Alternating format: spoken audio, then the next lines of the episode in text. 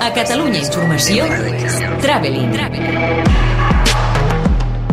Estrenes de cinema i sèries a Catalunya Informació. Traveling. Amb Marc Garriga.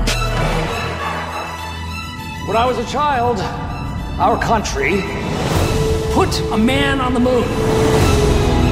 We're going back. Netflix estrena Space Force, la nova sèrie que han aixecat junts el creador Greg Daniels i l'actor Steve Carell, el duo que va fer triomfar la versió americana de The Office. Una sèrie que, com expliquen tots dos, va néixer quan a Netflix se'ls va encendre la bombeta al veure Donald Trump crear una autèntica branca militar dedicada a la conquesta de l'espai. Un dels executius va dir, quan es va anunciar la creació de l'autèntica Space Force, que seria una bona idea per a una sèrie, i no es basava en res més que en aquestes dues paraules. Em van trucar i em van preguntar si m'interessaria fer-la, i vaig dir que sí, basant-me en res més que això. I aleshores jo vaig trucar a Greg Daniels i li vaig preguntar «T'agradaria fer una sèrie que es digués Space Force?» I va dir «Sí», un altre cop basant-se en res més que en el títol. Em podria haver dit que la sèrie era sobre dos paios asseguts en una butaca sota un arbre llegint la Bíblia junts, igualment hauria dit que era una idea fantàstica. M'encanta Steve Carell. Va ser la meva millor experiència quan van fer el remake de The Office, de manera que pràcticament aniria a qualsevol lloc que ell em suggerís. Però és que, a més, crec que la idea és genial perquè el personatge principal que ell interpreta està sota tanta pressió amb l'objectiu de trepitjar la Lluna el 2024 i t'imagines aquest paio amb tota una carrera militar vèncer ara de refiar dels científics, de ser flexible i creatiu. És un personatge divertit, en una situació divertida. De moment, aquesta primera temporada té moments brillants, com era d'esperar, però el ritme no l'acaba d'acompanyar. Això sí, si Netflix hi continua confiant, posa les bases per a un futur esperançador. S'agraeixen enormement les presències de John Malkovich com el científic en cap, Lisa Kudrow, la seva dona, o Noah Emmerich, el militar rival. El 3 de juny s'estrena HBO una sèrie antològica que reuneix tres directors catalans, Carlos Marquès Marcet, Helena Martín i Letícia Dolera, juntament amb Rodrigo Sorogoyen i Paula Ortiz, que han gravat cadascú una història pròpia en confinament amb els seus telèfons mòbils.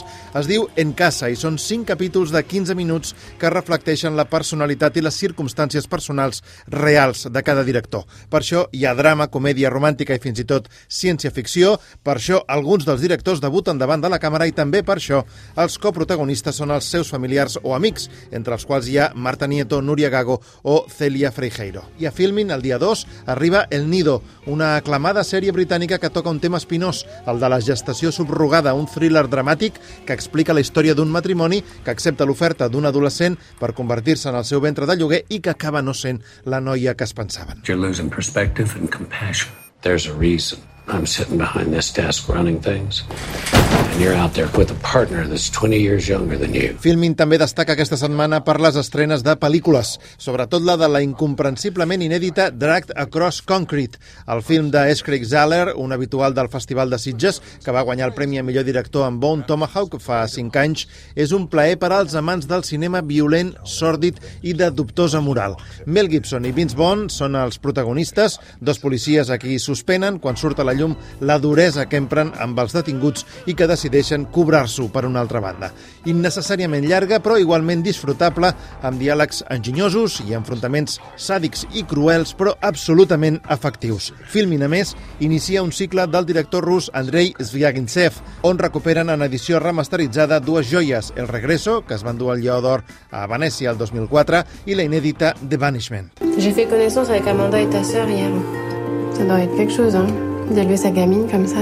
Arriba al mercat digital o sota demanda tant a la web de la sala virtual de cine.com com a Movistar Plus, Filmin, Rakuten, Vodafone i Orange, Mi vida con Amanda, un film francès en què Vincent Lacoste és un home que després que la seva germana mori en un atemptat jihadista s'ha de fer càrrec de la seva neboda de 7 anys. I això li desmunta la vida. Una cinta tendra, sensible i austera. També es podran veure, a partir d'aquesta setmana, la decebedora adaptació del bestseller El Jilguero, el correcte film de terror Lo que te mantiene viva i la innecessària seqüela amb els personatges de Clerks, Jay i Bob el Silencioso, el reboot. Tous les jours Tous les jours. Traveling. Estrenes de cinema i sèries a Catalunya Informació.